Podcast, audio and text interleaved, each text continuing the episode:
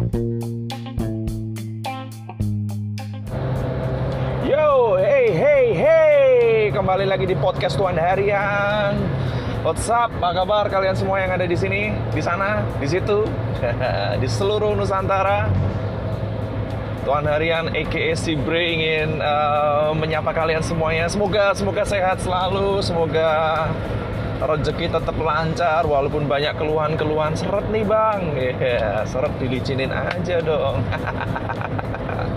Oke, okay, uh, gue masih ngelanjutin episode pertama Tuan Harian, si Bray uh, tentang uh, mengenalkan apa itu fisioterapi. Nah, kali ini si Bray akan ngomong bagaimana fisioterapi itu berkembang, gitu loh. Jadi uh, di dewasa kali ini bahwa kita tahu bahwa ilmu pengetahuan itu tidak bisa di, di di apa ya dibatasin ya gue bilang gitu ya. Dibatasin ataupun dikekang bahwa harus A ya A satu tambah satu dua itu tidak. Jadi fisioterapi itu juga mengikuti perkembangan zamannya gitu loh. Dan perlu ketahui listeners kok perlu ketahui listeners salah berarti perlu listeners ketahui perlu listeners ketahui bahwa fisioterapi itu pun juga berkembang pesat Salah satunya yaitu perkembangannya adalah uh, mempunyai sub-sub spesialis masing-masing. Gitu. Ya, boleh dikatakan hampir seperti dokter spesialis lah, guys. Seperti ada dokter penyakit dalam, ada dokter spesialis saraf, ortoped, uh, opjin misalnya seperti itu. Begitupun juga fisioterapi, guys. Uh, di fisioterapi ini ada beberapa spesialis yang sudah apa namanya memecahkan mem, mem, membuat dirinya spesialis gitu ya uh, supaya lebih lebih lebih segmented kasus yang dia tangani contohnya ada fisioterapi spesialis anak atau pediatri ada fisioterapis yang menghandle khusus geriatri orang-orang sepuh guys atau orang-orang tua Lalu ada fisioterapi yang uh, membahas atau menghandle tentang kardiopulmonal, yaitu mereka menghandle permasalahan-permasalahan tentang masalah paru-paru dan jantung, pernapasan seperti itu. Lalu ada lagi fisioterapis yang bergerak di bidang uh, olahraga. Nah ini kebetulan sekali saya spesialisasi saya ada di bidang olahraga seperti itu. Nah episode kali ini saya ngambil uh, materi itu aja ya. Jadi mungkin nanti saya akan berbicara tentang fisioterapi olahraga itu apa karena memang kebetulan saya sedikit tahu gitu loh guys. Terus selain olahraga apa ada lagi? Hmm, coba saya ingat-ingat dulu. Tik tok tik tok tok tok tok tok tok tik. Ada sekarang berkembang fisioterapis integumen ya. Koreksi saya kalau saya salah ya integumen lalu um, ada wacana tentang fisioterapis disaster tentang kebencanaan wah jadi perkembangannya pesat sekali guys oh ada fisioterapi tentang neuro bener nah ini saya baru ingat nih uh, neuro. Ya benar neuro itu membahas tentang permasalahan saraf-saraf seperti permasalahan stroke dan sebagainya dan sebagainya. Seperti itu. Nah itu uh, gambarannya listeners. Jadi fisioterapi di Indonesia itu sudah sudah sampai seperti itu gitu loh. Nah gue kerucutin lagi nih. Sekarang kita akan ngomong masalah tentang fisioterapi olahraga gitu loh nah fisioterapi olahraga sendiri di Indonesia sebenarnya sudah cukup lama ya. Ada yang cukup lama sekitar mungkin lima tahun sebelum masehi. Nggak nggak bercanda sih bre. Jadi uh, saya sebentar, sebentar. Saya ingat-ingat dulu nih saya masuk PFO ini ya kurang lebih mungkin sekitar 6-7 tahun uh, fisioterapi olahraga itu pecah telur gitu aja deh fisioterapi olahraga itu uh, me menghadirkan dirinya di bumi Nusantara ini. Namanya PFOI organisasinya. Jadi Perhimpunan Fisioterapi Olahraga Indonesia yang saat ini dipimpin oleh Bapak Syah Mirza Indra Lesmana. Uh, beliau sekarang stay ada di Jakarta. Dia seorang dosen di Universitas Esa Unggul dan seorang praktisi juga. Jadi tahu dong anak-anak Jakarta di sana siapa yang nggak tahu klinik Esa Unggul. Gila pasien-pasiennya gitu. Atlet-atlet nasional gitu lah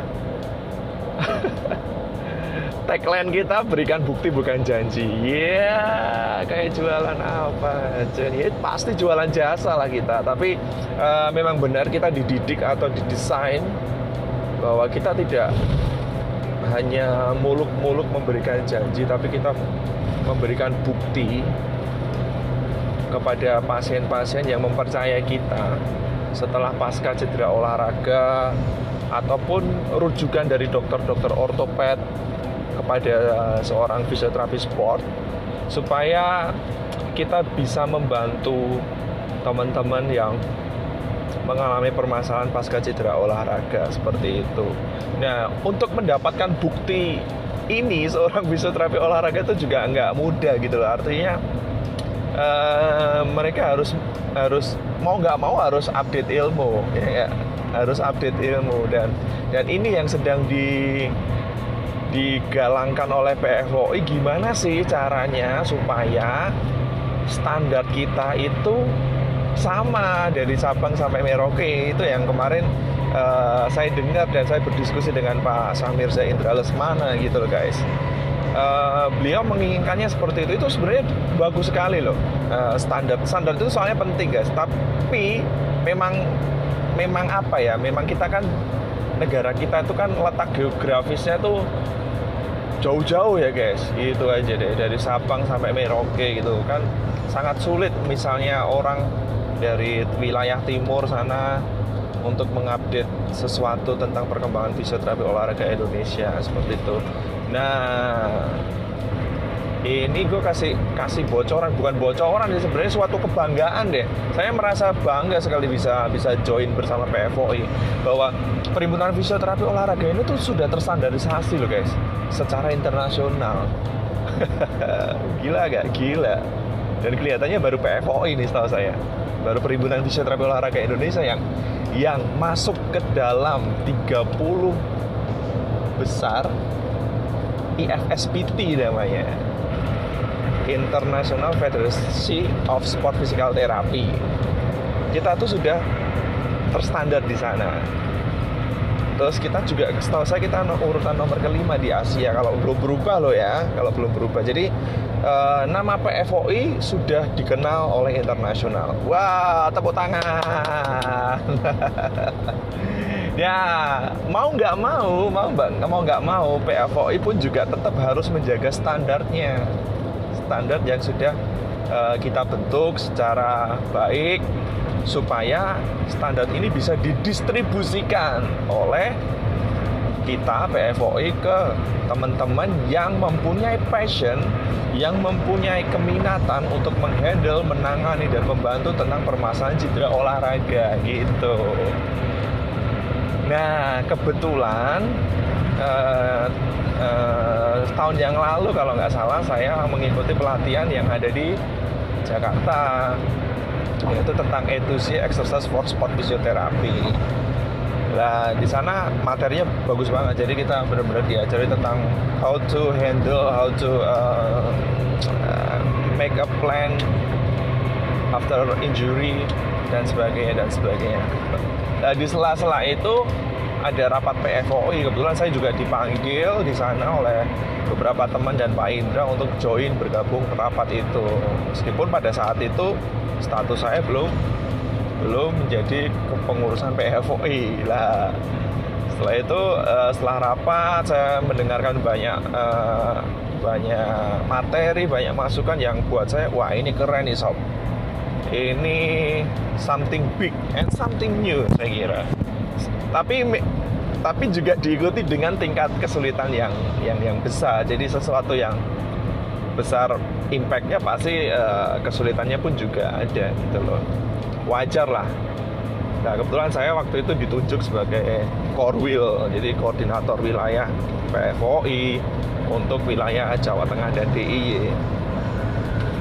Simple tugasnya, tetapi nggak simpel-simpel juga kerjanya. Jadi mendistribusikan standar itu gitu dan dan sebagai uh, sebagai corongnya PFOI di daerah-daerah. Jadi PFOI sudah membentuk beberapa core wheel dari Sabang sampai Merauke untuk untuk mendistribusikan uh, ilmu, mendistribusikan uh, apa namanya uh, polisi, kebijakan, mendistribusikan tentang informasi pelatihan-pelatihan yang harus di, dilalui oleh seorang fisioterapi untuk menjadi seorang sport fisioterapi seperti itu. Nah, sayangnya kemarin itu sebenarnya kita tuh sudah mau bikin acara, sudah kita bisa kontak lagi untuk bikin acara uh, annual meeting, annual scientific meeting guys. Nah ini acara pertama PFOI yang besar saya kira. Uh, rencana kita waktu itu di Klaten bulan Juni 2020 tapi saya karena corona ini ya mau nggak mau cancel gitu loh di dalam annual meeting itu ada satu sub acara itu penting banget itu yaitu uh, angkatan ketiga untuk level 1 internasional sport sport fisioterapi. Dan itu ditunggu-tunggu oleh teman-teman sport fisioterapi di Santero Nusantara ini gitu dan soalnya kuotanya juga terbatas sih. Kuotanya 40 atau 50 gitu loh setahu saya kemarin. Nah itu gagal kita selenggarain karena memang uh, ada pandemi corona ini gitu loh kita masih tetap uh, dibantu oleh guru besar kita yang ada di Australia, Mark sama Maria. Dia uh, sudah datang ke sini untuk memberikan pelatihan yang ketiga kalinya level 1 internasional seperti itu. Sehingga bisa menciptakan fisioterapi fisioterapi yang kompeten di bidang sport injury seperti itu guys. Nah, ngomong-ngomongin uh, sport dan cedera Iya, yeah, ngomong-ngomongin sport dan cedera, olahraga dan cedera. Olahraga kan kait erat dengan cedera, guys. Nah, pernah nggak kalian uh, kalau cedera itu langsung berpikir ah, aku ke sport fisioterapi aja deh, gitu.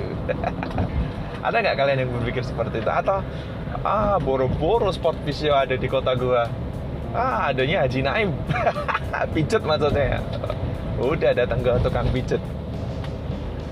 Si Bre Jamin sih masih kebanyakan sih uh, masyarakat Indonesia itu datang ke pijet sih tentang penanganan cedera. Nah itu memang salah satu PR besar juga buat uh, saya dan teman-teman untuk mengedukasi bahwa cedera itu tidak selalu selesai dengan pijet loh ya. Jadi uh, masas atau measure uh, pelakunya kan namanya measure ya kalau di dunia internasional. IOC sendiri International Olympic Committee itu juga juga ada poin kata measure sebenarnya waktu itu. Tapi measure itu memang harus tepat guna sebenarnya. Pun juga bisa terapi pun juga tepat guna guys. Bagaimana measure itu kapan harus dilakukan? Masas itu juga harus tahu. Jadi uh, listeners jadi kalau kita cedera itu langsung di masas itu juga kurang tepat juga guys karena nanti bisa menimbulkan banyak permasalahan setelah setelah dilakukannya masas. Nah, lebih baik memang harus dikonsultasikan dulu ke petugas medis, entah itu dokter orto atau ke fisioterapi sport seperti itu. Oke, okay? nah gue tunggu uh, tunggu apa ya? Gue tunggu kabar baiknya. Mudah-mudahan pandemi ini segera berakhir dan kita bisa beraktivitas lebih lebih semangat lagi. Kita bisa cari rezeki yang lebih asik lagi kita bisa kumpul nonton film lagi atau apa kayak yang yang yang yang kita rindukan di masa pandemi ini ya kayak Oke okay, gitu ya guys listeners thank you very much sukses dan sehat selalu buat kalian semua